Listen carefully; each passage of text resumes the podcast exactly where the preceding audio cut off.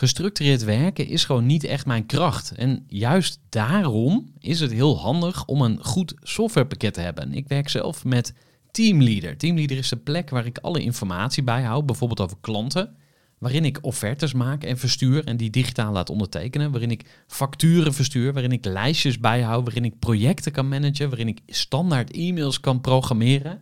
Kortom, ik gebruik Teamleader om alle werkprocessen van mijn bedrijf te stroomlijnen. En zeker ook als je met een team werkt, is het heel fijn om over dezelfde informatie te beschikken. Nou, als je ook benieuwd bent of er mogelijkheden zijn om jouw bedrijf meer te stroomlijnen, of je nu alleen werkt of met een team, ga even naar teamleader.nl slash groeivoer en je kunt dan vandaag nog een trial starten voor twee weken lang, gratis. En je kunt Teamleader volledig uitproberen. En na de proefperiode krijg je ook nog zo'n leuke korting als luisteraar van Groeivoer. Ga naar teamleader.nl slash groeivoer. Groeivoer. Groeivoer. Groeivoer. Zoek je inzicht, inspiratie voor je eigen bedrijf. Wil je elke dag iets leren? Luister dan naar Groeivoer. Welkom bij weer een nieuwe aflevering van de Groeivoer podcast, waarin ik in gesprek ga met Bob Hutten. Bob is de eigenaar van het bedrijf Hutten Catering, een familiebedrijf sinds 1929. En ja, er zit natuurlijk een heel groeiverhaal aan vast. We hebben het over de groeistappen die Bob heeft doorgemaakt nadat hij het bedrijf overnam van zijn vader. We hebben het over geluk. Wat betekent dat nou eigenlijk? Kunnen we echt gelukkig worden? En zo ja, hoe komen we daar dichterbij? Geluk is zelfs een drijvende factor geweest in het groeien van het bedrijf. Dus dat is heel interessant. En we hebben het natuurlijk over allerlei andere relevante onderwerpen voor ondernemers. Delegeren komt natuurlijk voorbij. Nou, ik zou zeggen, ga lekker luisteren naar deze nieuwe aflevering van de Groeivoer Podcast met Bob Hutten. Voor de kennis en ideeën van een interessante gast. Die zijn verhaal met jou wil delen. Bob Hutten, van harte welkom bij de podcast. Dankjewel. Al 35 jaar ondernemer. We gaan eh, zo meteen horen hoe dat eh, geweest is en wat je allemaal geleerd hebt. Maar laten we eens beginnen met eh, de kleine Bob. Wat voor jochie was dat eigenlijk?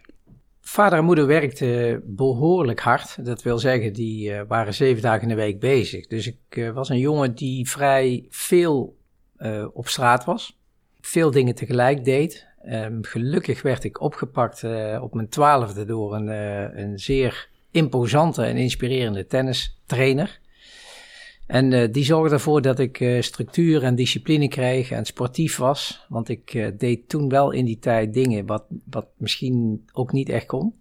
Dus ik kwam eigenlijk door hem ook wel, bleef ik op het goede pad en ontspoorde dus niet. En eh, nou ja, dan eh, krijg je een tijd dat je, dat je denkt aan een professionele tenniscarrière. En dat heeft tot mijn achttiende geduurd. En toen bleek toch niet goed genoeg. Kreeg ik een blessure, maar was ook klein. Dus eh, nou, gewoon niet goed genoeg.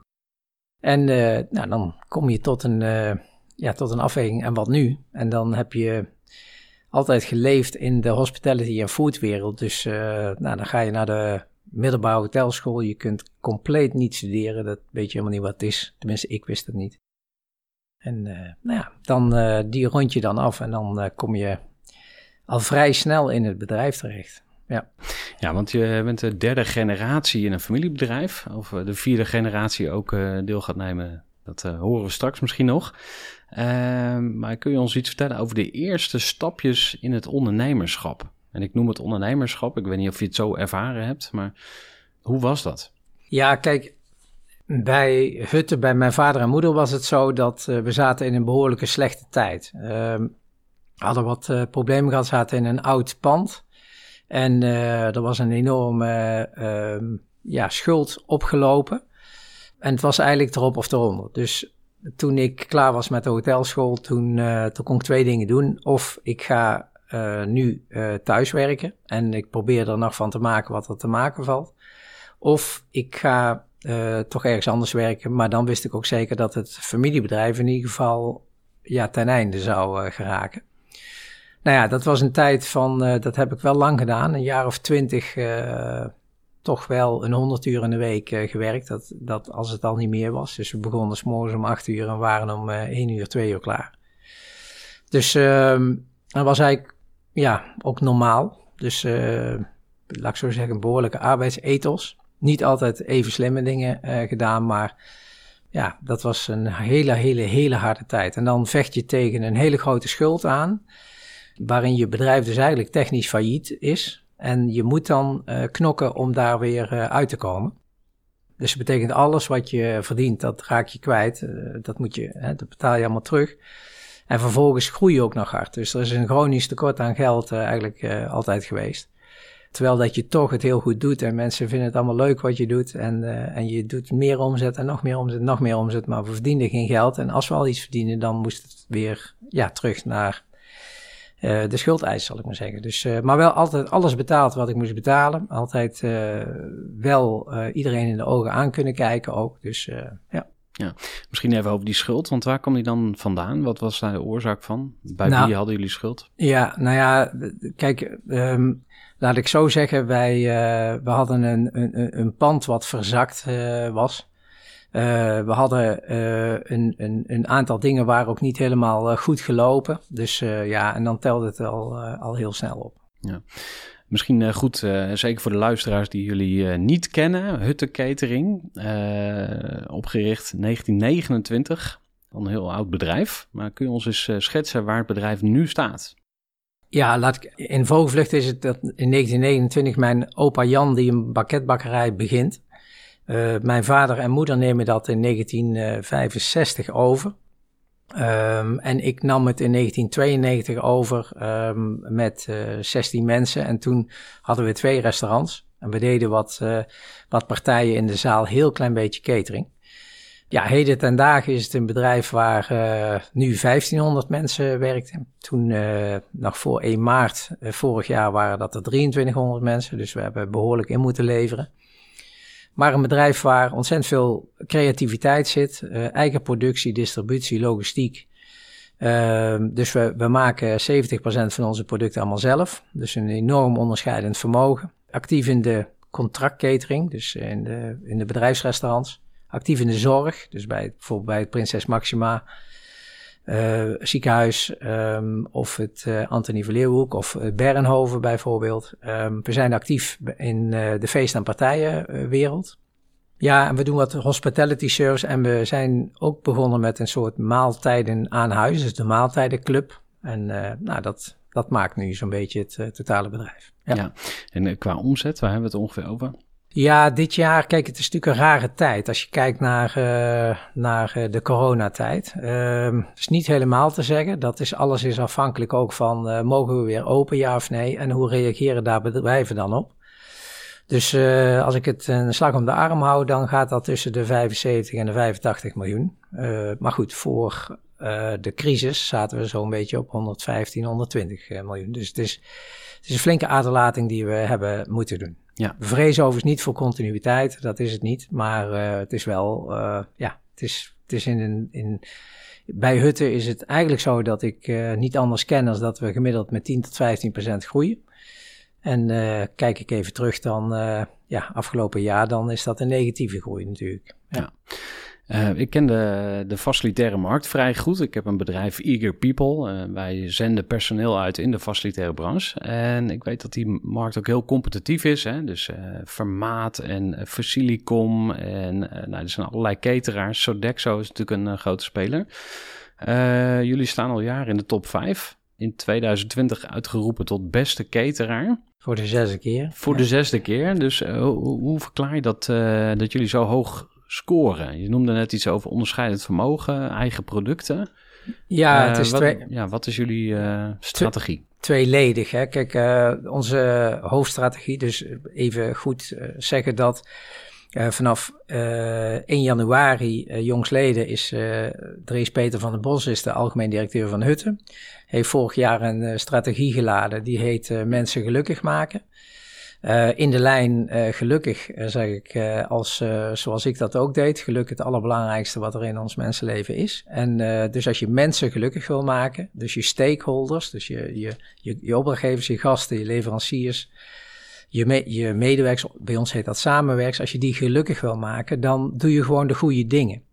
Dus um, um, uitbundige gastvrijheid um, en zeg maar uh, ambachtelijke culinair en dat zo flexibel mogelijk in kunnen zetten, dat is, dat is in basis het onderscheidend vermogen. Maar dan zoveel mogelijk uh, ja, maatwerk willen leveren en, uh, en volgen aan de ene kant op de klant, maar aan de andere kant ook zo inspirerend kunnen zijn dat de klant ons weer volgt. Dus, dus dat spel dat blijft voortdurend spelen binnen het. Ja, en dan misschien uh, de vervolgvraag van wat is jouw persoonlijke rol daarin geweest? Want uh, daar ben ik ook zo benieuwd naar. Wat is typisch Bob? je noemt net al even de tussen neus en lippen door uh, samenwerkers in plaats van medewerkers. Ja. ik ben ooit bij jullie kantoor geweest op de Mount Battenweg. En jullie waren volgens mij als een van de eerste in Nederland bezig met food waste, hè, met verspilling. De verspillingsfabriek hebben jullie opgezet. Um, komt dat allemaal uit jouw koker? Ja, dat, dat zijn wel dingen die inderdaad uit mijn koker komen. Laat ik zo zeggen, ik word ook geïnspireerd. Uh, maar om het dan conceptueel te vertalen, dat, dat lag uh, bij mij. Laat ik zo zeggen, je zegt wie is dan die Bob eigenlijk? Maar die Bob die, die is wel in verschillende eh, fases moet je die zien. Toen ik begon met, met, zeg maar met hutten, om het naar mijn hand te zetten, dan ben je veel te lang Jezus. Dus jij bent degene die met de klant praat. Jij maakt het beeld voor de klant, met de klant. En uh, vervolgens zeg je tegen je mensen: dit is het beeld en uh, maak het maar na en waar. Maar dat kun je ook te lang doen. Hè? Dus ik vind, ben op zich geen. Uh, ben voorstander van het feit dat als je een onderneming start, dat je in eerste instantie een soort missionaris bent. En dat je zelf het goede voorbeeld moet laten zien. En dat je de klant mee moet nemen. Dus, dus een soort Jezus-gedachte zit er wel in. Maar dan moet je wel ook wel uh, tijdig inzien dat je een aantal dingen ook gewoon niet zo goed kunt. En dat je ruimte geeft aan andere mensen om dat beeld groter te maken. Dus, zo laat ik zo zeggen, de eerste periode is een periode van knoerhard werk, het goede voorbeeld. Uh, ja, marktaandeel krijgen en noem het maar op. Uh, en die tweede periode gaat dan veel meer over hoe zet je mensen in hun kracht. Dus hoe, hoe zorg je er nou voor dat, uh, dat, dat je in de faciliterende rol komt. Dus dat je, dat je niet meer zo dominant bent in wat het eindbeeld is. Maar dat je uh, zegt van, joh, dit is volgens mij de richting, wat denk jij ervan? Uh, en, en, en hoe zie jij het eindbeeld? En als iemand dan dat, uh, dat goed en groot schetst, ja, dan hoef jij geen politieagent meer te zijn. Nou ja, dat, dat is een beetje de, de, dus de tweede Bob, zal ik maar zeggen. En de, en de derde Bob is degene die uiteindelijk dan nadenkt over de continuïteit van het uh, familiebedrijf. Die een aantal jaren ook tot de conclusie komt van, joh, stel dat er met mij iets gebeurt, uh, is dan het bedrijf al continu? Uh, mijn dochters zijn 22 en 20. Nou, of zij wel of niet iets willen met het bedrijf, dat is nog niet bekend. En dat is ook, in mijn denken, is dat ook ja, is dat geen vanzelfsprekendheid dat zij in het bedrijf komen. Dat, dat, als ze dat willen, dan is dat fijn. Maar als ze dat, dat niet voor ogen hebben, is dat ook prima. Het is in ieder geval niet een kwestie dat ik er zomaar van uitga dat zij daar een rol in in uh, gaan nemen en ook niet of dat ze dat kunnen nemen. Want ik bedoel, het is ook, niet, uh, het is ook geen flauwekulbende. Hè? Dus het is ook wel zo dat je, dat je ook iets moet kunnen als je daar een rol in wilt spelen. Kan ik ook niet maken voor mijn andere samenwerkers dat je, ja, dat je iemand overslaat en dat ze nodig je dochter iets ja. moet. Hè? Dat kan helemaal niet. Maar heb je hier veel over nagedacht of veel gesprekken over gevoerd? Ja, Want er ik, zijn natuurlijk clubs van familiebedrijven. Ik zat bij AFAS, der Veld. Ja, Misschien ken je hem wel, die ook samen met uh, Arnold Mars ook een familiebedrijf overgenomen heeft. Ja. Nee, maar kijk, als je, ik zei net even, de derde Bob is de Bob die nadenkt over de continuïteit. Ik ben zelf nu 55. Een aantal jaar geleden heb ik gedacht van, wat doe ik nu? Uh, uh, stel dat er met mij iets gebeurt, dat ik mijn auto tegen de boom aanzet. En hoe is het dan geregeld? Uh, ik merkte in de club waar ik voorzitter van ben, de Brabants Familiebedrijvengenootschap, dat dat, uh, dat dat best wel uh, een moeilijk onderwerp is. Hè? Dat we dat ook lastig vinden als ondernemers om, om, om los te laten daarin.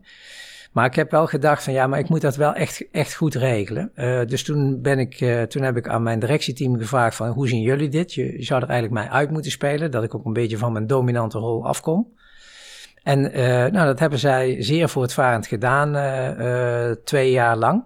Toen alleen, was ik alleen voorzitter van de directie, zou ik maar zeggen. En, en toen ook wel besloten dat er een algemeen directeur zou moeten komen. Omdat ik toch, ja, het bleef toch nog te veel verweven met, met de persoon die ik was.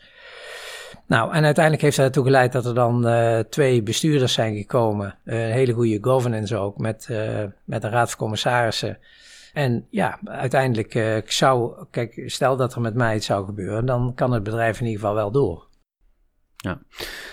Misschien goed om eens te gaan kijken nog of wat verder te duiken in de, in de groei die jullie doorgemaakt hebben. Want je noemde al een aantal boppen, hè? dus verschillende fasen die je zelf, verschillende rollen die je zelf gespeeld hebt als je kijkt uh, vanaf dat je het roer overnam van 1992 totdat je eigenlijk het stokje uh, doorgaf, 2020. Wat zijn dan de groeifasen geweest? Zijn dat die, lopen die gelijk met uh, de bobben die je net omschreef? Of? Ja, dat zou je wel kunnen zeggen. Ja. De, de erkenning dat, dat er heel veel mensen zijn die heel veel dingen beter kunnen als jij dat kunt, die, die bracht absoluut de versnelling. Ja. Uh, maar ook wel met het ego misschien wel dat je, wat je hebt uh, en, dat je ook zelf wel een aantal dingen kan. Dus, um, dus ja, je hebt in iedere fase uh, heb je niet direct een andere leider nodig, maar wel een andere leiderschapsstijl. En in iedere situatie heb je ook weer een andere leiderschapsstijl nodig. Um, dus en ik heb heel erg gemerkt dat, uh, dat, uh, dat ik een aantal dingen kan. Ik ben een echte ondernemer. Ik zie kansen en daar wil ik instappen. Dat kan ik bijna niet tegenhouden. En Drees bijvoorbeeld, uh, Drees en Bas zijn gecalculeerder. Die, dus ik, ik creëer kansen, ik stap erin. En ik, en ik, ik ga van A naar B. En, en uiteindelijk ben ik op C. en zij denken heel goed na voordat ze op, op A beginnen. Uh, om naar B te gaan en naar C te komen. Nou, en ik weet ook niet of dat er altijd een, uh, een, een, een, waarheid is wat het beste is. Want zonder dat je op B staat kun je niet C zien, zeg ik wel eens. Maar uh, kijk, en als je voor het een heel bedrijf mee te sjouwen hebt, hè, van een paar duizend mensen, dan, uh, dan kan het ook niet zo wispelturig zijn dat er een ondernemer is die dan daar naartoe gaat en dan daar naartoe. Dat was ik niet, maar ben wel, ik, nou laat ik zo zeggen, ik ben trots en blij hoe het nu gaat. En dat er goede afwegingen en keuzes gemaakt worden. Af en toe denk ik wel eens van, goh, misschien zou dit ook nog kunnen. Maar dan uh, krijg ik ook keurig netjes uh, ja, te horen van, joh, we gaan nu, we volgen deze strategie en we, we denken dit uit. Hier kunnen we nu de energie op geven en, uh, en, en dat moet nog even wachten. En dat snap ik ook goed. Dus ja. ja. En wat zijn mooie voorbeelden van ja, business ideeën of side projects die, uh, die je ja, bedacht hebt in de afgelopen jaren? En misschien een voorbeeld van iets wat ja, echt uh, succesvol is geworden en uh, misschien een flop waarvan je dacht... Ja, nou ja, kijk, um, laat, ik, laat ik zeggen dat bijna alles wat je aan de duurzame kant ontwikkelt, dat is super knap. Uh, daar ben ik ook ontzettend uh, trots op dat wij dat wel doen. Maar die hebben allemaal een hele lange aanlooptijd nodig. En het is ook hoe je kijkt naar uh, succesvolle innovaties. Kijk, als je bijvoorbeeld de verspillingsfabriek pakt, dan, dan heeft die qua, nou, die zou dit jaar, of eigenlijk uh, nou, in 2020, zou die een, uh, een rendement gaan maken. Na ongeveer drie jaar verlies geleden te hebben. Hè. Dus, uh, dus financieel, nou, nog niet zo'n, economisch nog niet zo'n geweldig bedrijf. Hè. Want dat wil een ondernemer nou eenmaal. Die wil vandaag beginnen en morgen wil er iets aan kunnen verdienen. Hè. Dus, maar Kijk, het maatschappelijk rendement van de verspillingsfabriek is enorm groot. Er is een heel systeem uh, ontstaan tegen voedselverspilling, een stichting ontstaan met uh, bijna 100 bedrijven erin. Dus uh, laat ik zo zeggen, wereldwijd de enige verspillingsfabriek. Nederland staat op de kaart, niet op de laatste plaats door die bewijslast van die verspillingsfabriek. Dus ja, dat, dat kun je wel zeggen dat het eigenlijk een hele succesvolle innovatie is. Alleen hij levert nog geen rendement op. Um, als je als je uh, kijkt naar een, een innovatie, uh, als bijvoorbeeld, um, uh, we hadden het smaaklokaal, een, een gezonde frietent. Ik dacht, ik wist het ook zeker, dat iedereen wil gezond snacken. ik dacht, dat, dat, dat kan niet anders, Gaat weet je. Ja. Ja, dus ik dacht van, joh, ik ga alles wat je kunt eten in een snackbar, ga ik allemaal beter doen. Ga ik allemaal beter, echter, verser, eh, met minder suiker, minder zout, minder, minder vet, eh zelfde prijs. Eh, ik dacht echt, nou, dit is hem gewoon, ik, nou, dit is gewoon een goed idee. Daar gaan we er 100 van kwijt eh, spelen. Dus 100, sorry, 100 eh, locaties mee doen. Maar per saldo hebben we dat twee jaar gedaan. De hutte groeide als een, als, nou, die groeide de klippen omhoog. En ook mijn bedrijf zei, ja, weet je Bob, we leiden nu al voor het derde, tweede jaar verlies. Mogen we daar niet mee stoppen? Want het kost ons gewoon veel, eh, veel tijd en veel energie. En ja, eh, hè, eh, wanneer gaat het dan wel iets opleveren? Ja, dat doet dan pijn, weet je wel. Dan denk je van, godsamme, weet je, doorzetten, dan kom je er wel. Dat weet ik eigenlijk, maar toch gekozen om daarmee te stoppen. Dus kijk, ook niet, ja, alle, alle innovaties zijn wat dat betreft altijd succesvol. Dus, ehm, maar kijk, eh, wat ik wel geleerd heb is dat als je stretcht in de goede richting. Dus als je bij ons duurzaamheid en gezondheid zijn essentieel. Hè? Duurzaamheid, gezondheid en geluk, die zijn essentieel. Als je stretcht in die richting, doe je het eigenlijk nooit fout. Het kan wel zijn dat je te vroeg bent. En, en Hutte heeft wel een aantal keer meegemaakt dat hij te vroeg is. En dan duurt het gewoon langer voordat er iets, eh, ja, eh, dat het doorrolt, zal ik maar zeggen. Je hebt al een, paar mooie lessen eh, gedeeld over eh, groei. Dus je zei, ja, ik ben eigenlijk niet onmisbaar. Hè? Dus als je dat op een gegeven moment gaat zien, kun je ook verder groeien. Dus andere mensen gaan dingen overnemen. Een les over innovatie. Zijn er meer dingen die jij terugkijkend als les meeneemt? Waarvan je denkt van, hé, hey, dat moeten andere ondernemers ook weten. Ja, kijk, weet, wat ik gewoon gemerkt heb is ehm, dat, dat het heel interessant is voor iedere leider om te kijken of dat hij de ander nou in zijn kracht zet.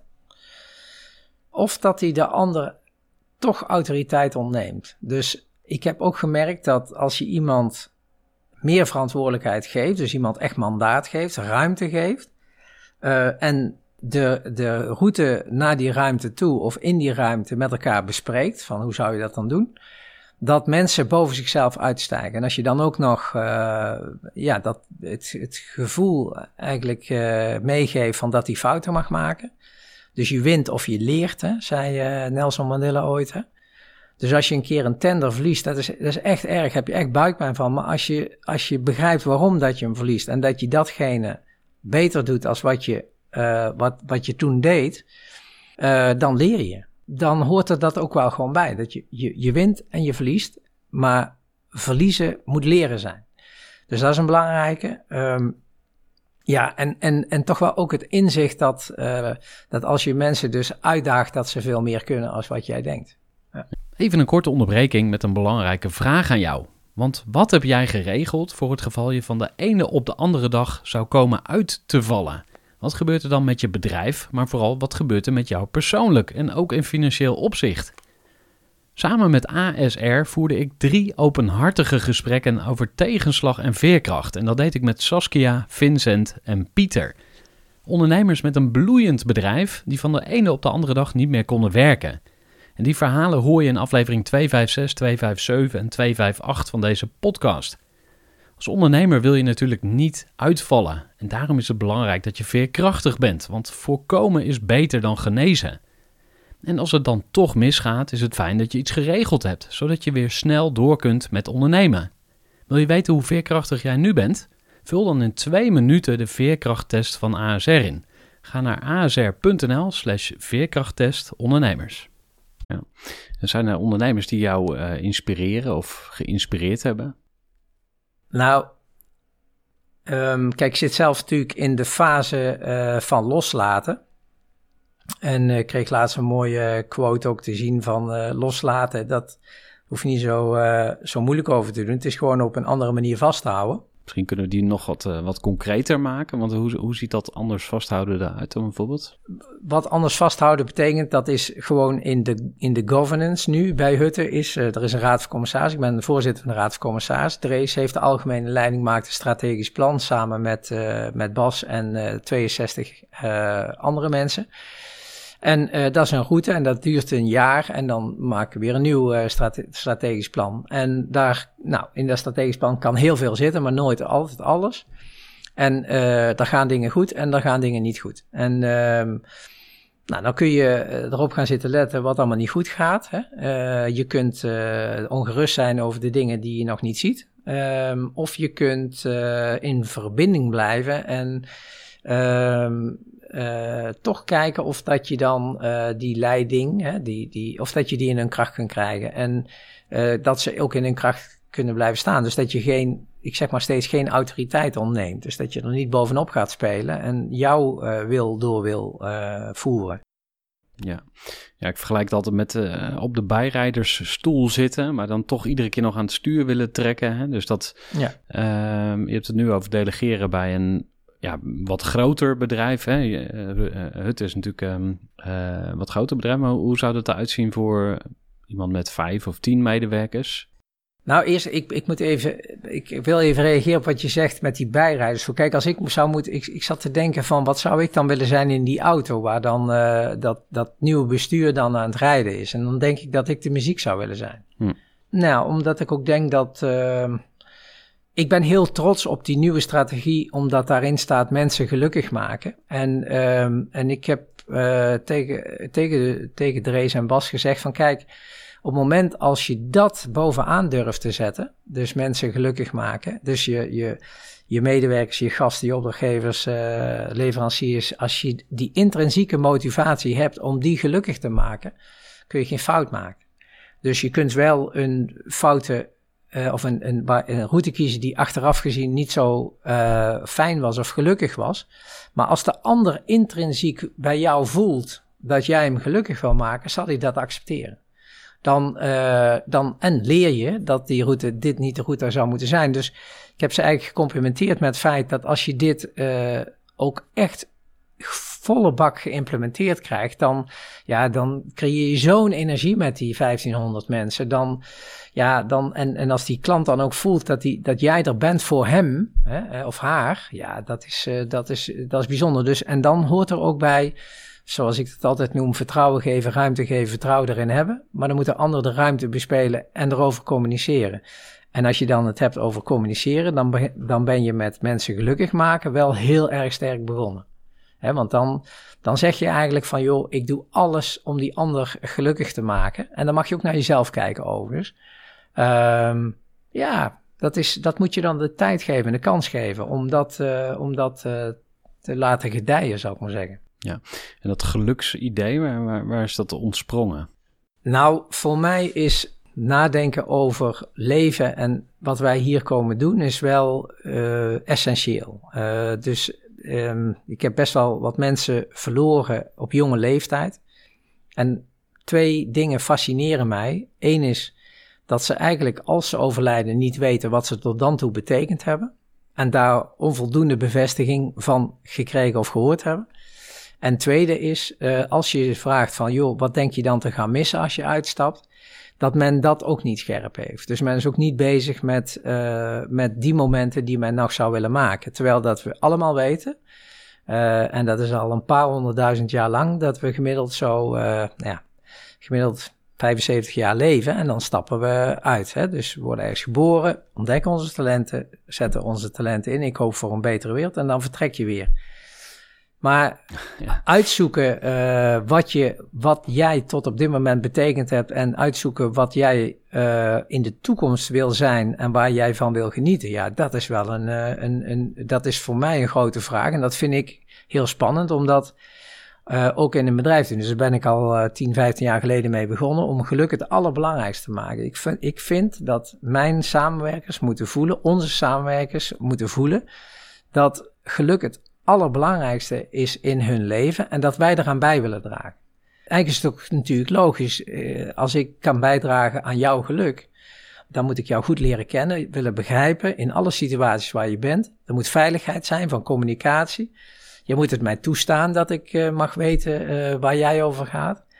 Maar als ik eenmaal zover ben en ik kan betekenen op jouw geluk, ja, dan, en we werken dan samen, ja, dan werken we wel echt samen. Ja. Nou, misschien om daar maar eens op door te pakken dan. Want uh, we zijn hier in de boomhut. Uh, gingen met een golfkarretje naartoe. En uh, je zei van ja, ik doe hier allerlei gelukssessies. Ja. Dus we hebben het nu natuurlijk uitgebreid gehad over, over hutten. Misschien komen we er straks ook nog op terug. Maar even fast forward naar wat je nu doet. Hm. Eh, het is een groot onderwerp wat je aanreikt. Hè? Geluk. En blijkbaar ben je er Ja. dus al tijdens je huttentijd eh mee begonnen. En dat consistent doorgezet. Ja. En nu ben je eigenlijk op afstand van, van hutten. Hm. En nu, wat doe je hier in die, in die boomhut? Nou, kijk- En wat, ja, Ja. vertel. Nou, hou even heb je er een bedrijf van gemaakt? of is het gewoon... eh, Nou, het is wel, eh, eventueel eh, kan ik dat ook voor, voor derden doen, dat weet ik nog niet. Ik heb nu aan Drees beloofd dat ik er 300 leiders van hutten, dat ik die mee zal nemen in, in het maken van een geluksschilderij.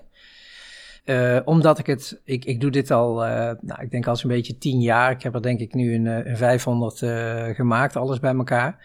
En ehm, met mensen. Dus niet zo dat ik de, de filosoof of de wetenschapper wil zijn, maar ehm, eh, op basis van de inzichten en op basis van zelfreflectie van mensen zie je gewoon dat er een, eigenlijk een behoorlijk eh, gat is. En dus, dus het feit dat wij tegen elkaar niet vertellen waar wij gelukkig van worden de komende jaren, dat wij niet tegen eh, de meest dierbaren vertellen welke momenten dat we willen maken dat wij niet onze betekenis laten zien eh, aan de ander ehm, eh, of onvoldoende en daar ook dan ook niet de waardering voor krijgen. Dat heeft er voor mij wel toe geleid toen ik begon met het maken van geluksschilderijen met mensen dat ja, die inzichten die waren zo groot, dat was zo bijzonder, het zo'n fenomeen ehm, dat je ja, dat het gewoon ieders leven verrijkt. Maar het stomme is dat eh, als ik praat over geluk en jij praat over geluk, dan hebben wij dat heel ver weggestopt in onze maatschappij.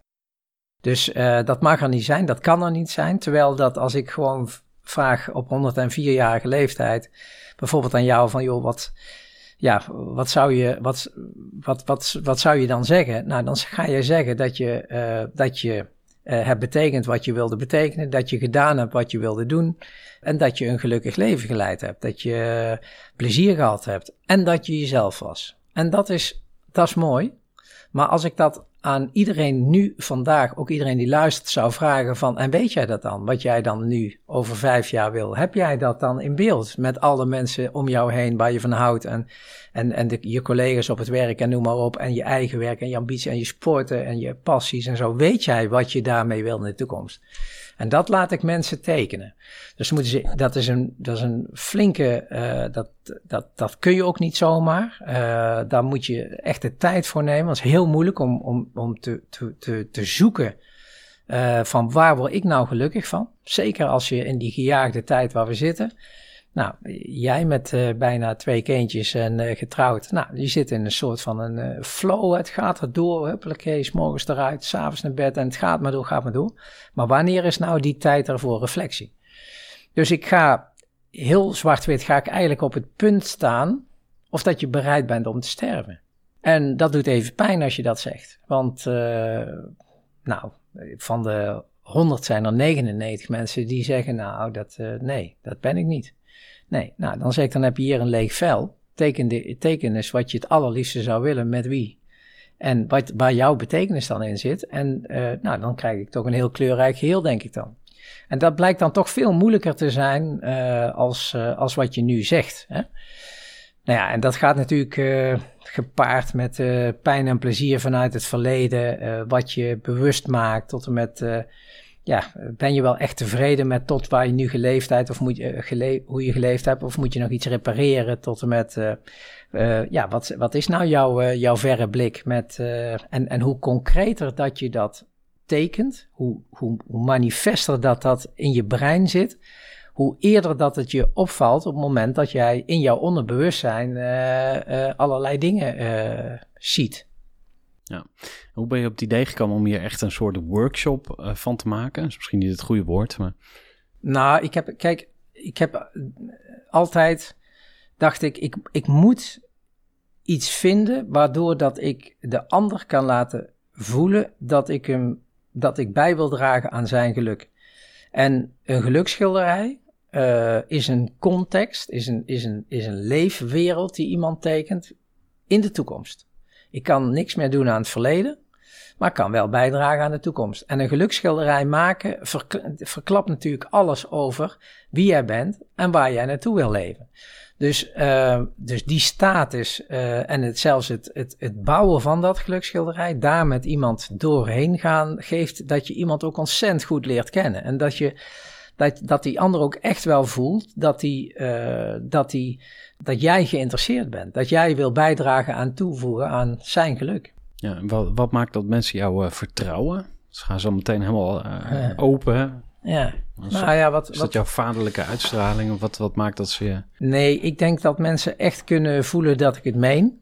Ik, ik vind dat Hutte daar ook echt uh, altijd tijd voor gemaakt heeft. Hè, met gelukscoaches. We hebben nog, we doen uh, twee keer per jaar hebben we, uh, hebben we een VIP-gesprek, zoals we dat noemen. Waar, waar je een schema in moet vullen over geluk. Dus daar wordt geluk gemeten op zeven vlakken.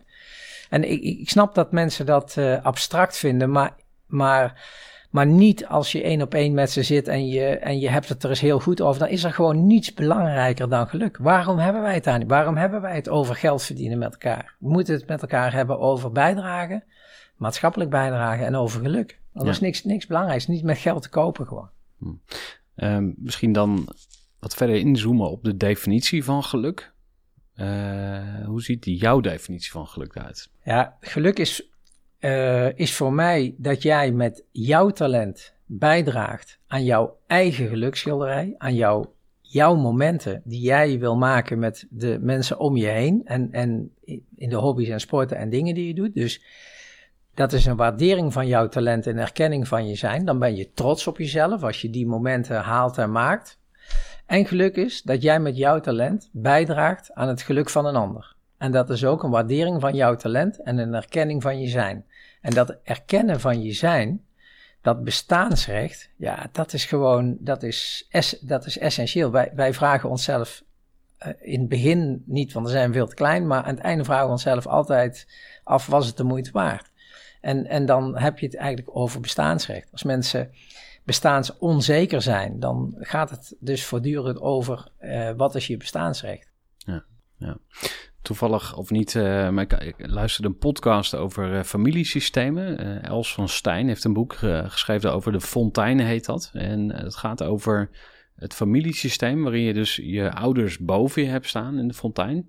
En je broers en zussen, als je die hebt, die staan naast je. Je kinderen staan onder je.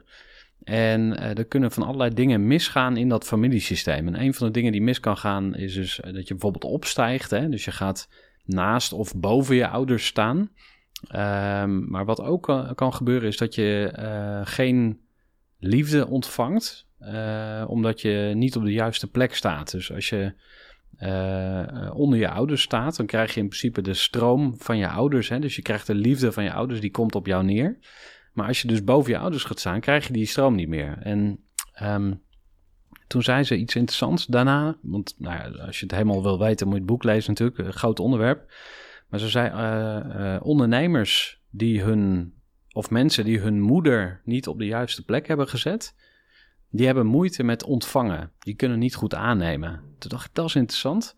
Uh, mijn moeder is overleden toen ik 14 was. Dus daar heb ik de afgelopen dagen over nagedacht. Van, staat zij voor mij op de juiste plek in het systeem? Of, en ik weet wel zeker dat ik ook iets gemist heb. Hè? Want als je vanaf je veertiende geen aai over je bol meer krijgt, dan, dan is dat best wel uh, een gemis natuurlijk.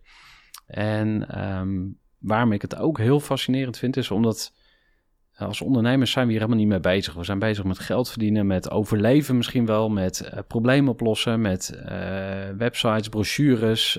we zijn ook met zingeving bezig. Hè. Ben ik uh, getuige van bij de Groeiclub. Ik heb een, een businessclub, de Groeiclub voor Ondernemers. Daar zijn allemaal uh, bewuste ondernemers die ook nadenken over de zin van het leven.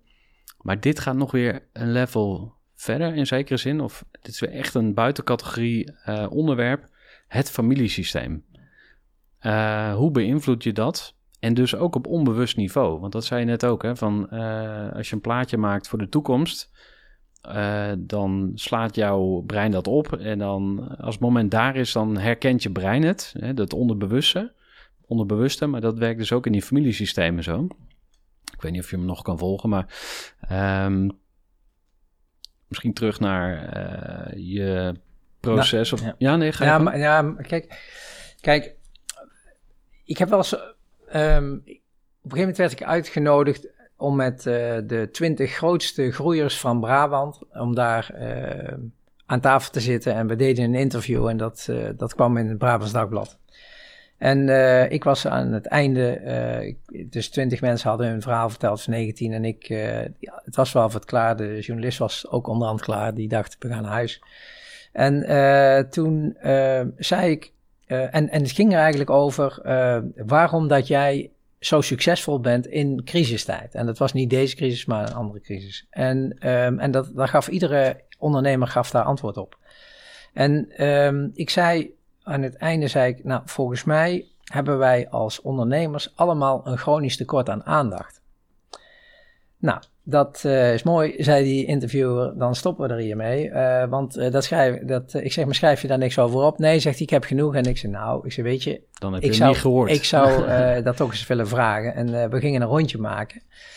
En ehm, daar kwam ook echt uit dat iedere ondernemer een chronisch tekort aan aandacht had. En dat was omdat zijn moeder verloren was in, toen hij twee was. Een groot gezin waarbij er een ziek kind was. Eh, ouders eh, gescheiden, eh, gepest op school. Tot en met, nou, gewoon aandacht. En, en ik heb dat heel vaak gebruikt. Met veel lezingen die ik gaf, heb ik, heb ik dit gebruikt voor ondernemers. En nou, dan, dan zitten ze een beetje zo van, joh, oh, het gewoon niet kort aan, we zijn al verklets. Maar toen, maar we zijn dat iedere keer gaan afpellen. En iedere keer kwamen we tot de conclusie dat dat, dat, dat toch de bron is. Dus je wil, je, je hebt een tekort aan aandacht en je wil ook dat applaus. Je wil ook die A. Je wil ook, eh, zeg maar, eh, eh, aardig en lief gevonden worden. En wat doe je dan? Ja, je gaat beter je best doen. Je gaat, je gaat boven het maaiveld uitsteken. Je, je, je ontwikkelt een hardheid die in feite ook dat, dat, ja, die, die pijn kan verdragen. En eh, nou ja, dus dat is als reactie op jouw familiecultuur, dat is één. Hè? Dus de vraag is even bij ondernemers, joh, heeft die familiecultuur, heeft dat nou invloed op, eh, op hoe, hoe jij nu bent als ondernemer? Ehm, maar twee is ook wel, eh, is dan ook direct de waardering van jou als, als, als kind van je ouders. En dan weet ik dat bij een man de waardering van zijn vader, die, dat is zo sterk. Dat is, dat is ja, ik, ik zie Joop van der Ende nog bij Humberto Tan zitten. Alles bereikt wat je kon bereiken, toch? Hè? Eh, Hartstikke miljardair, noem maar op. En Humberto Tan vraagt Joop, nou heb je alles. Wat zou je nou nog willen? En dan zegt hij dat mijn vader gezien had wat ik. En moet je maar eens opletten, dit gebeurt zo vaak. Dus dat is ook lastig. En, en, uh, en als je die waardering niet krijgt, dat zie je ook bij managers nu in, in, uh, waar ik dan mee praat. Die krijgen die waardering niet. Nou, dan is het toch nog is het bijna halstarrig vasthouden om toch die waardering te krijgen. Of zeg ik altijd een brief schrijven naar je vader en proberen om, waar, waarbij je vertelt wat je, hoe jij erin zit, hoeveel jij van hem houdt en misschien wat je gemist hebt. Maar aan de andere kant uh, ook wel dat verwachtingspatroon bijstellen. Iemand kan het niet bedenken. Hè? Dus de, onze generatie, de, generatie van mijn vader en moeder, die hebben niet geleerd om zo kwetsbaar en open te zijn en, en zo complimenteus. En, want ja, vroeger ging dan die kop eraf, zo lijkt het in ieder geval. Hè? Dus, dus dat is wel een fenomeen. Dus daar niet meer afhankelijk van zijn dat je, dat je die waardering krijgt. Ja. ja. Durf je te delen wat jouw persoonlijke verhaal hierbij is? Ja, nou ja, dat is. Kijk, mijn vader en moeder hebben gedaan wat ze, wat ze konden. Zo kijk ik ernaar. Uh, ik heb een, uh, een, een, een, Ik had een hele warme, hele mooie relatie met mijn vader, maar heeft eigenlijk nooit. Uh, ja, gezegd wat hij ervan vond. Dat, dat, dat, maar dat voelde altijd goed. Mijn moeder, die is wat dat betreft, uh, die, die, ja, die komt uit een conditionering dat je helemaal niet praat over gevoelens. Dus, uh, nou, laat ik zo zeggen, ik heb geen, uh, daar geen hele warme herinnering aan. Maar, maar ach, ik verhoud mezelf prima tot mijn moeder. Ik, ik, zij heeft gewoon, zij heeft het op haar manier gedaan zoals, uh, zo, zoals, uh, ja, zo, zoals zij dacht dat het het beste was. En ik, ik heb ook altijd wel iets met mensen die een kapstok opzetten en zeggen van Kijk, en doordat dat ik dat toen niet had, hè, uh, daar hang ik dan voor iedere fout die ik maak, hang ik daar eens even mijn jas op. Nou, daar geloof ik ook gewoon niet in. Dus, dus ergens moet er een soort rust komen dat, je, dat, dat ook je ouders hebben gedaan wat ze konden. En dan heb ik het overigens niet over seksueel misbruik en dat soort zaken, hè, want dat vind ik, dat is, dat vind ik heel ingewikkeld. Ja. Maar, uh, maar, maar zeg maar dat, dat ouders gewoon uh, ja, uh, niet die aandacht gegeven hebben die wij als ouders, misschien jongere ouders, nu kunnen geven aan onze kinderen. Ja, dat, dat, is, dat is absoluut zo. En, maar, dat, maar dat weer beetpakken en dat proberen te reframen, daar niet meer afhankelijk van hoeven te zijn. En, en toch gewoon ook blootstaan aan dingen die jij zelf niet goed doet, dat vind ik, dan leer je. Ja. Als je continu blijft, blijft wijzen naar het feit dat jij het allemaal niet gehad hebt en, en dat je daarom niet succesvol bent, ja, leer je geen bal, want, want, je, want je hebt een bliksemafleider gezocht. Ja. Uh, ben je ook uh, bewust als ouder nu voor je gezin? Of uh, heb je het gevoel dat je veel invloed hebt? Of? Ja, kijk, dat is een hele mooie, hè? want wanneer ben je nou de, de, de perfecte ouder? Ik ben gescheiden, dus dan begint al meteen begint al meteen dat, je, dat vader en moeder niet bij elkaar is en ik wilde de beste papa van de wereld zijn. Nou, dan, dan heb je een enorm, uh, ja, enorme achterstand natuurlijk. Uh, dat heeft er overigens wel toe geleid dat ik een, een, een knoer goede verbinding met mijn kinderen gekregen heb. Door echt intrinsiek zelf te investeren in die relatie. Simpelweg, ik kon niet leunen op, op de moeder van de kinderen, wat ook veel in veel gevallen gebeurt. Dus ik moest wel zelf die relatie opbouwen. En ja, dat heeft bij ons wel heel goed uitgepakt. Dus ik ben heel close met mijn kinderen. Maar je blijft papa. Hè? Dus mijn dochter die wil nu ondernemen. En daar vind ik natuurlijk iets van als je niet oplet. Maar ik ben wel de papa. Nou, dat is ingewikkeld. Hè? Dus uh, je hebt een, uh, je hebt, ze, ze, worden iets ouder en je wil ze beschermen. Ja, wil je ze nou beschermen of wil je ze op de harde weg laten lopen? Weet je, tot de, dus die balans, die zoek je natuurlijk ook steeds op als ouders. Van, joh, kan ik ze nu loslaten? Moeten ze nou hun eigen weg zoeken en, en tegen de lamp lopen? Of ga je ze toch begeleiden en coachen? Dat is een duivels dilemma. Gooi voor. Gooi club en groeien is nog niet zo makkelijk. Je kunt daar best wel wat hulp bij gebruiken af en toe. En vooral als dat iemand van buiten is die met frisse ogen naar je bedrijf kijkt. Ik heb bij Groeivoer het Geniaal Groeien programma. En Evita Lammes is een van de deelnemers in dat programma geweest. En je hoort haar over geniaal groeien. Ik ben Evita Lammes van Canvas Communicatie en ik bied contentabonnementen gebaseerd op interviews. Uh, daarmee hoeven ondernemers zelf geen letter meer op papier te zetten en zijn ze toch online zichtbaar. Uh, ik heb deelgenomen aan Geniaal Groeien, omdat ik graag met mijn bedrijf een volgende stap wil maken. Ik wil dat mijn bedrijf niet meer afhankelijk is van alleen maar mijn uren, um, maar dat het um, ook onafhankelijk van mij door kan draaien. Uh, ik twijfelde erover voordat ik meedeed um, wat voor soort mensen hier aan mee zouden doen. En of het niet een hele commerciële club zou zijn uh, waar alleen maar visitekaartjes worden uitgewisseld. Maar dat bleek uiteindelijk niet zo te zijn, gelukkig. Uh, dankzij Geniaal Groeien um, heb ik de stap durven nemen om iemand aan te nemen. En ben ik veel meer aan het kijken naar wat kan ik uitbesteden en wat kan ik zelf doen. En dat vind ik heel erg fijn, omdat dat echt een stap biedt in het groter worden van een bedrijf. Als jij ook een volgende stap wil maken en echt wat meer als ondernemer wilt gaan denken, neem dan even contact met ons op. Stuur een mailtje info.groeivoer.nl of plan een eh, call met ons in. Dan denken we graag mee over jouw situatie. Luister lekker verder naar Groeivoer. We hebben het uh, al over heel wat onderwerpen gehad, uh, maar ik heb nog één onderwerp op mijn lijstje staan wat uh, eigenlijk niet mag ontbreken. En dat gaat over zingeving in je bedrijf. En we hebben het natuurlijk al gehad over zingeving, hè, over geluk, wat eigenlijk een, het, hoogste doel is wat je na kunt streven. Maar misschien kunnen we nog een stapje verder gaan. Geloof jij dat er meer is tussen hemel en aarde? Ehm, het is een prettig idee hè, om daarin te geloven. Dus je zou kunnen zeggen, ja, waarom geloof je daar dan niet in? Hè? Ehm, besteed ik daar veel tijd aan? Nee. En ik geloof erin dat je het ook echt hier moet doen. Dus als je het hebt over zingeving, hè, dus met, met bijvoorbeeld het bedrijf Hutte of het maken van, uh, zoals wat ik nu doe met geluksschilderijen, of ik begeleid nog een uh, twaalf ondernemers.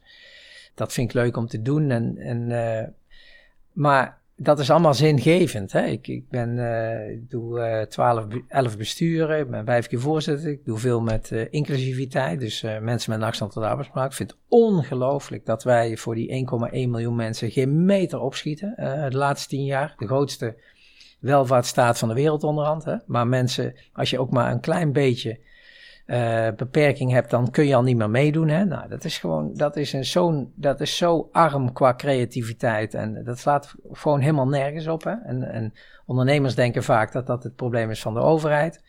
Uh, nou, daar, probeer ik wat aan te doen. Probeer veel te doen uh, rondom voedselverspilling. Hè? Dat vind ik ook zo'n gedrocht waar we, waar we maar niet van afkomen. Omdat, om, Terwijl dat, dat het uh, betekent dat we 5% CO2 uh, daarmee verspillen. Hè? Dus het is gewoon doodzonde dat, dat beesten geboren worden, vetgemest worden en dat wij het dan in de kliko donderen. Zo, uh, nou, dat soort, dat soort dingen, daar, daar verzet ik mezelf tegen. Maar ik ben er ook wel voor dat je, dat je die dingen doet waarbij je, die kort bij je staan. Dus verspilling, werken met mensen, dat staat kort bij mij. En ik, en ik vind ook dat niet alles tegelijk kan. Dus ik ben niet recalcitrant. Dus ik, ik, ik zie ook uh, al de documentaires hè, van. Uh, noem het maar op. Maar ik, ik denk dat we daar. We zijn nu in een soort uh, stand terechtgekomen dat het allemaal too much is. En dat moet je weer rustig kunnen terugplaatsen. En dan ben je niet, uh, dat, dat gaat niet in één keer. Zoals uh, misschien uh, onze meneer Klaver wel doet geloven, dat het allemaal zomaar in één keer, gaan we in één keer duurzaam vliegen en zo. Ja, weet je, dat gaat, dat, zo werkt het niet. Dus we zijn, we genieten allemaal van waar we nu zijn. En nu moeten we de kans geven om weer, hè, binnen nu en 10, 20 jaar, om grote stappen te maken om daar weer vanaf te komen. Dus ehm, ja, dus, dus in, in, die zin geloof ik erin dat je jouw talent in moet zetten om, uh, ja, om, om iets anders te laten groeien. Ja, dus je zegt, ik uh, ben niet zoveel bezig met wat er hierna is. Vooral op, in, in het hier en nu op deze aarde uh, een betere wereld creëren. Ja. Geld verdienen is ook al eerder voorbij gekomen. Wat, wat voor rol speelt geld daarin? Want, ja, dat is een ingewikkelde. Kijk, um, kijk, kijk, eigenlijk zou het moeten gaan dat dat degene die sociaal, maatschappelijk het meest relevant is, die zou het minst, uh, het meest ontzien moeten worden. Hè? Dus, dus als je eens uitleggen? Of ja, dus als je, kijk, ik, ik probeer even weg te blijven bij geld. Want uh, kijk, alleen wij hebben een middel gekozen en dat heet geld. Wat, wat tegenwoordig hè, met bitcoins en met aandelen en met speculeren op aandelen eigenlijk een ja, een een of andere mythe geworden is als je niet oplet. Dus we zoeken nu ook wel naar wat, is nog, wat heeft nog echt waarde. Hè? Wat is nou echt waarde? En dus ik geloof er heel erg in dat je bedrijven uh, en dienstverlening en, en, en mensen moet uitleggen in de waarde die zij leveren aan de maatschappij. Dus misschien wel met een CO2-footprint, maar misschien ook wel met uh, dan moet je degene die bijdraagt aan een positieve footprint misschien ook wel extra gaan belonen. Hè? Zo, da daar geloof ik dan in. En als dat dan geld heet, ja, dan is het prima. Alleen ik vind de focus zoals wij die nu hebben, hè, de grootste, die hele platformeconomie is, dat is, dat is wel zo'n ontzettende uitholler van alles wat, uh, wat met cultuur en de maatschappij te maken heeft. Daar, daar word ik helemaal gek van. Ja, heb je daar een voorbeeld bij, een platform uh, waarvan je echt denkt, nou dat... Nou ja, kijk, kijk gewoon naar, kijk als jij, uh, het voorveld is toch dat bijvoorbeeld een Amazon en een Alibaba en dat soort jongens, die worden alleen maar groter en groter, zijn niet meer tegen te houden. Kopen momenteel alles wat een klein beetje identiteit uh, hebben, dat kopen ze zelf om die keten te sluiten voor zichzelf. Dus je komt er straks. Je met identiteit? Um, nou, bijvoorbeeld uh, hoorde laatst dat, uh, dat uh, Amazon een, een, bezig is om een Grand Cru te kopen in wijn. En ehm, ja, als dat gebeurt, hè, dan, eh, dan is die van Amazon. En dan maakt Amazon uit hoeveel dat er verkocht wordt. Hè, eh, en eh, of dat het in, in het hele wijnlijstje staat die wijn denk ik toch bovenaan. Hè. Ehm, maar stel je ook bijvoorbeeld voor dat als het kan wat, wat er nu gebeurt, dat je het ambacht eigenlijk eruit snijdt. Dat je zegt, joh, soep is soep. En uh, je hebt straks in de wereld nog uh, vijf soorten soep van Nestlé en Unilever en noem maar op. En dat is far de goedkoopste soep. En die wordt ook nog bij je thuis afgeleverd. En dan zeg je, ja, ja, maar ik proef niet meer echt tomaten. Dat is niet ergens een kwestie van tijd. Want binnen tien jaar weet je niet meer anders als dat dit tomaatsoep is. Dus je ziet op heel veel fronten die, die uitholling, zal ik maar zeggen, van, uh, ja, van, van ambacht, van, van dienstverlening. Hè. Dus zijn mensen ja, als je, als je nou in ons vak kijkt, dan, uh, dan zet je nu automatenwanden neer. En dan, da, daar zit dan de lunch in. Hè? En, dan, en dan zegt men, nou, dat is ook catering, hè? want ik wilde die mensen middags eten geven. En nou, dan kunnen ze uit een, kunnen ze uit, een, uit zo'n dingetje kunnen ze eten pakken. Ja, wat heeft dat nog te maken met, met hospitality, met cultuur, met iets betekenen voor, met warmte, met je verhaal, met met, en ik snap wel dat dat abstracte dingen zijn, als je ze zo noemt, maar ze zijn wel elementair. Het, ze horen wel bij, uh, bij, bij geluk, bij, bij de manier waarop dat wij met elkaar leven. En als dat alleen maar straks dit soort dienstverlening wordt, ja, kijk, ze hebben al zo ooit. Uh, vroeger had je een bakker, een slager, een groenteboer, een visboertje uh, op een pleintje op de markt in Frankrijk. Nou, als je nou 25 jaar geleden liep ik daar rond in mijn korte broekje en, en ik ging daar spulletjes halen en hartstikke leuk bakken en heerlijk. Ik had een fantastische vakantie. Als ik nu in eenzelfde dorpje kom, dan kan ik nog net een kop koffie krijgen. En ik kan 17 kilometer verderop met mijn lange broek aan inmiddels naar de Carrefour gaan om daar mijn boodschappen te doen. Wat hebben wij waar een hoop, waar hebben wij, wat hebben wij een hoop verloren? Nou, in de race om nog meer geld te verdienen. Dus eigenlijk groei. Ja, dus, dus, uh, dus kijk, ik had een, uh, een hele, hele discussie in het begin van de crisis uh, met een directeur van een, een, hele grote retailer. En toen zei ik van, goh, nou, dit is toch al het moment dat je, denk ik, hè, onze verspillingssoep zou kunnen serveren. Want je verdient nu ongelooflijk veel geld. Is dat blauw, geel of groen?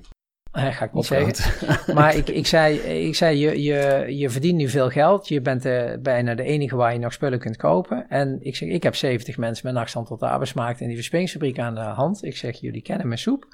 Ik zeg, misschien uh, die is concurrerend, kun je ook nog geld aan verdienen. Ik zeg, we verwerken rest- en bijstromen. Nou, ik denk dat is mooi, uh, dat is toch een mooi product nu voor jullie. En nou, dat vonden ze inderdaad ook allemaal, maar, maar ik lag er niet heb ik naar de rand nog eens met ze gesproken. En toen zei ze uh, tegen mij, joh, uh, ik, toen vroeg ik aan ze, joh, maar wat is dan jullie stap richting duurzaamheid in deze tijd? Want ik bedoel, hier ligt toch een rol voor jullie. Jullie verkopen zo onbeschoft veel. Maar ja, het blijft gewoon uh, dat je de soep van Unilever en van, van, van Nestlé koopt en weet ik het allemaal wat. Waar zit nou jullie, jullie, jullie eigenheid? dat, je, dat je ook iets wil zijn voor, hè? want dat had met onze soep al kunnen. En uh, toen zei ze, joh, onze duurzaamheid zit erin dat wij iedereen in dit land te eten geven. Ik zei, maar wacht even, maar 30 jaar geleden hadden wij een bakker, een slager, een groenteboer en een visboer, maar die, die, die konden niet meer overleven, omdat jullie erbij kwamen, toch? Dus nu, oh wacht even, nou moeten we jullie gaan bedanken voor het feit dat je ons te eten geeft, terwijl dat je zelf destijds verantwoordelijk was om die, dat die lui allemaal niet meer konden bestaan. Dus ja, ik vind, kijk, het loopt zoals het loopt. En, en bedoel, de consument bepaalt zelf waar hij zijn spullen koopt. Dus eh, prima, hè. Maar, maar ga nou niet zeggen dat dat een duurzame propositie is. Want daar, daar, ik, ik heb, daar heb ik helemaal niks mee. Dat, dat een, dat een, uh, een, een, een hooggeplaatst of een minister uh, in een DC van een grootgrutter staat. om, te, om te kijken hoe dat hij al die boodschappen verwerkt kan krijgen. Dan denk ik, nee joh, nee. Ik zit gewoon te kijken naar wie dat er thuis en op de bank zit. En waarom dat wij dat mooie bakkertje niet meer hebben en dat slagertje niet meer. En, en dan moesten we maar iets meer betalen voor, uh, voor het eten. En dat kunnen we ook gemakkelijk. Dus je ziet dat die kwaliteit zo steeds verder achteruit rolt. Dat innovatie enorm tegenvalt in voeding. De voedingswaarde loopt enorm terug uit. Er is niemand mee bezig. Daar word ik heel onrustig van.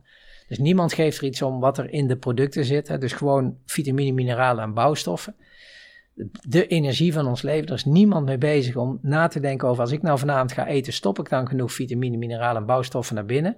Ja, dat zijn wel, wel dingen waar ik, uh, daar word ik onrustig van. Want dan denk ik, ja, weet je, als soep soep is, maar er zit straks niks meer in die soep. Ja, hoezo? Ja. Het is de energie van je leven.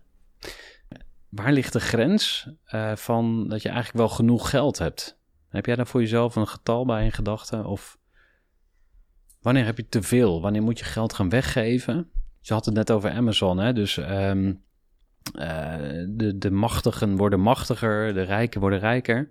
Dat is, niet meer, dat is gewoon niet te stoppen. Dus maar door één ding stoppen, dat is geluk. Omdat geluk ongrijpbaar is. Uh, dus geluk eh, is voor ieder mens uh, anders. Dus, dus als je dat groot kunt maken, als je individueel geluk groot kunt maken, dan krijg je een beetje tegenwicht. Hè? Maar uh, nee, ja, wanneer is geld? Wanneer, is, wanneer heb je geld genoeg? Is dat, is dat te zeggen? Ik, ik weet het niet. Ik, ik denk dat, dat mijn intrinsieke motivatie is delen. Niet geven, maar delen. Delen, zoveel mogelijk delen. Met, met zoveel mogelijk mensen proberen te delen. Maar je moet wel je eigen broek ophouden. Ik heb nu wel gemerkt dat, kijk, als iedereen zegt uh, van jongen, jongen, nou, jij uh, bent een ondernemer, jij, uh, jij hebt veel geld. Nou, dat valt enorm mee, hè? maar goed, als mensen dat, dat zeggen die zelf 30.000 euro per jaar hebben, dan snap ik dat ze dat zeggen. Maar, maar ik zal het je ook zeggen, ik moet ook veel geld hebben. Want, want als ik dat niet heb, dan, dan kan ik de continuïteit van hutten niet borgen. Dus, en en dan kun je zeggen, ja, maar joh, daar zijn toch allerlei dingen voor. Nou, ik heb het nu weer gezien al in deze crisis, hoe ver ik achteruit hol. En dat is niet een klein beetje. Dus als je dat niet op kunt vangen, dus, dus als ik geen, geen kansen krijg, kijk, uh, wij zijn hard geraakt. Uh, net zoals alle partijen die samenhorigheid faciliteren, zijn allemaal hard geraakt. Maar ik heb gewoon gemerkt dat wij helemaal niet bestand zijn om, uh, om deze sectors helemaal niet bestand voor een volgende crisis. Dus ik, ik, ben, uh, ik, ik vraag mezelf, kijk, er zijn twee mogelijkheden. Als, als er nu geen COVID-20-plan komt waarin wij betere steun gaan krijgen dan die we het afgelopen keer uh, krijgen, dan kan ik er beter mee stoppen. Kan ik toch beter stoppen, want ik kan dat gewoon niet meer betalen wat er nu gebeurt. En, en de overheid zet mij gewoon dicht. Bij COVID-20 doen we dezelfde dingen. Ja? En, en dan krijg ik weer die steun, maar ik lever wel enorm in. Nou, dat kan. Of ik moet onbeschoft mijn zakken vullen. Gewoon echt nu zorgen dat ik heel veel geld krijg om de volgende crisis weer aan te kunnen. Ja, nou, dat is, dat is zoals we het nu met elkaar regelen. Dus ik heb tegen Koolmees ook gezegd. Ik, zeg, ik, ja, ik, ik eis eigenlijk van je dat je een COVID-20-tafel gaat organiseren. Maar dan wel met de partijen, met alle partijen. Want nu, nu doen, doen wij het samen. Ik zeg, jij als uh, ministerie en wij als ondernemers doen het samen. Hè? Dus de werknemer doet niet mee. Die, die hoor je niet. Pensioenfondsen niet. De banken niet. Niemand doet mee. Wij doen het. Wij doen het nu met z'n tweeën. En dan kunnen we niet meer. Jij kunt het volgend jaar niet meer, want jij hebt die 100 miljard niet meer, maar ik ook niet. En, en dan, ja, dan zeg maar hoe het af moet lopen. Ik weet het niet. Nou, dat, dat zijn dus, kijk, kijk, dus als je dan zegt, ja, wanneer heb je nou geld genoeg? Ja, dat is wanneer je jouw uh, bedrijf continu uh, moet houden. Nou, dat was voor de crisis. Was dat nog even een ander bedrag dan na de crisis? Een helder antwoord. Um, we moeten helaas gaan afronden, want we zijn alweer over het uur. Zo uh, gaat dat op deze podcast. En er komen grote onderwerpen op tafel. Um, we hebben veel behandeld. Uh, misschien kunnen we afsluiten met jouw beste uh, tips voor andere ondernemers. Want je vertelt dat je twaalf ondernemers begeleidt. wat, wat staat er nou bovenaan jouw lijstje als het gaat om advies aan andere ondernemers? Ja, laat ik, laat ik zo zeggen. Kijk, iedere onderneming, ondernemer is anders. En, uh, en ik, ik heb ook nog steeds heel veel vragen, dus ik ga hier nou ook geen wijsneus zitten zijn.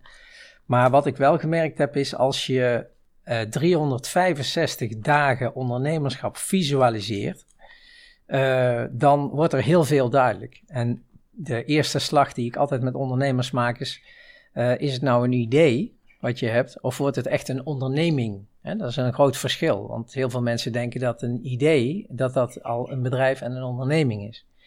En, en twee is dat ik, ja, ik, ik heb, uh, ik heb een, uh, ja, een hele methode ontwikkeld uh, waarbij je van, van, van onderscheidend vermogen gaat. Van heb je echt uniek onderscheidend vermogen?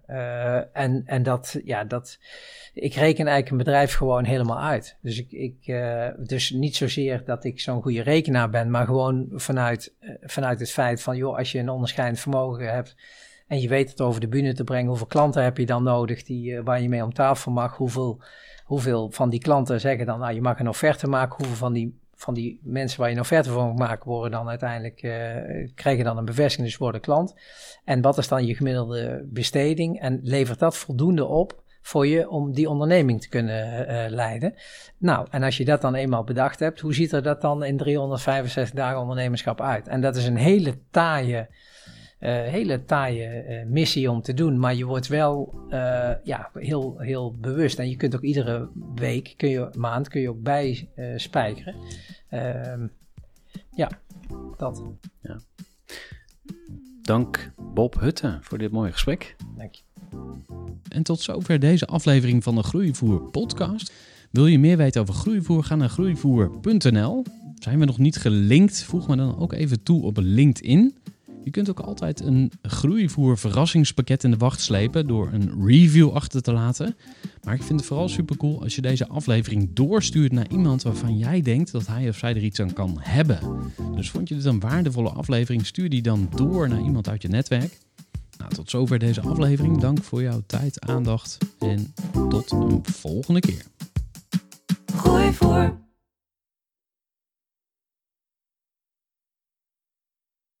Gestructureerd werken is gewoon niet echt mijn kracht. En juist daarom is het heel handig om een goed softwarepakket te hebben. Ik werk zelf met Teamleader. Teamleader is de plek waar ik alle informatie bijhoud, bijvoorbeeld over klanten. Waarin ik offertes maak en verstuur en die digitaal laat ondertekenen. Waarin ik facturen verstuur, waarin ik lijstjes bijhoud, waarin ik projecten kan managen, waarin ik standaard e-mails kan programmeren. Kortom, ik gebruik Teamleader om alle werkprocessen van mijn bedrijf te stroomlijnen. En zeker ook als je met een team werkt, is het heel fijn om over dezelfde informatie te beschikken. Nou, als je ook benieuwd bent of er mogelijkheden zijn om jouw bedrijf meer te stroomlijnen, of je nu alleen werkt of met een team, ga even naar teamleader.nl slash groeivoer en je kunt dan vandaag nog een trial starten voor twee weken lang, gratis. En je kunt Teamleader volledig uitproberen. En na de proefperiode krijg je ook nog een leuke korting als luisteraar van Groeivoer. Ga naar teamleader.nl slash groeivoer.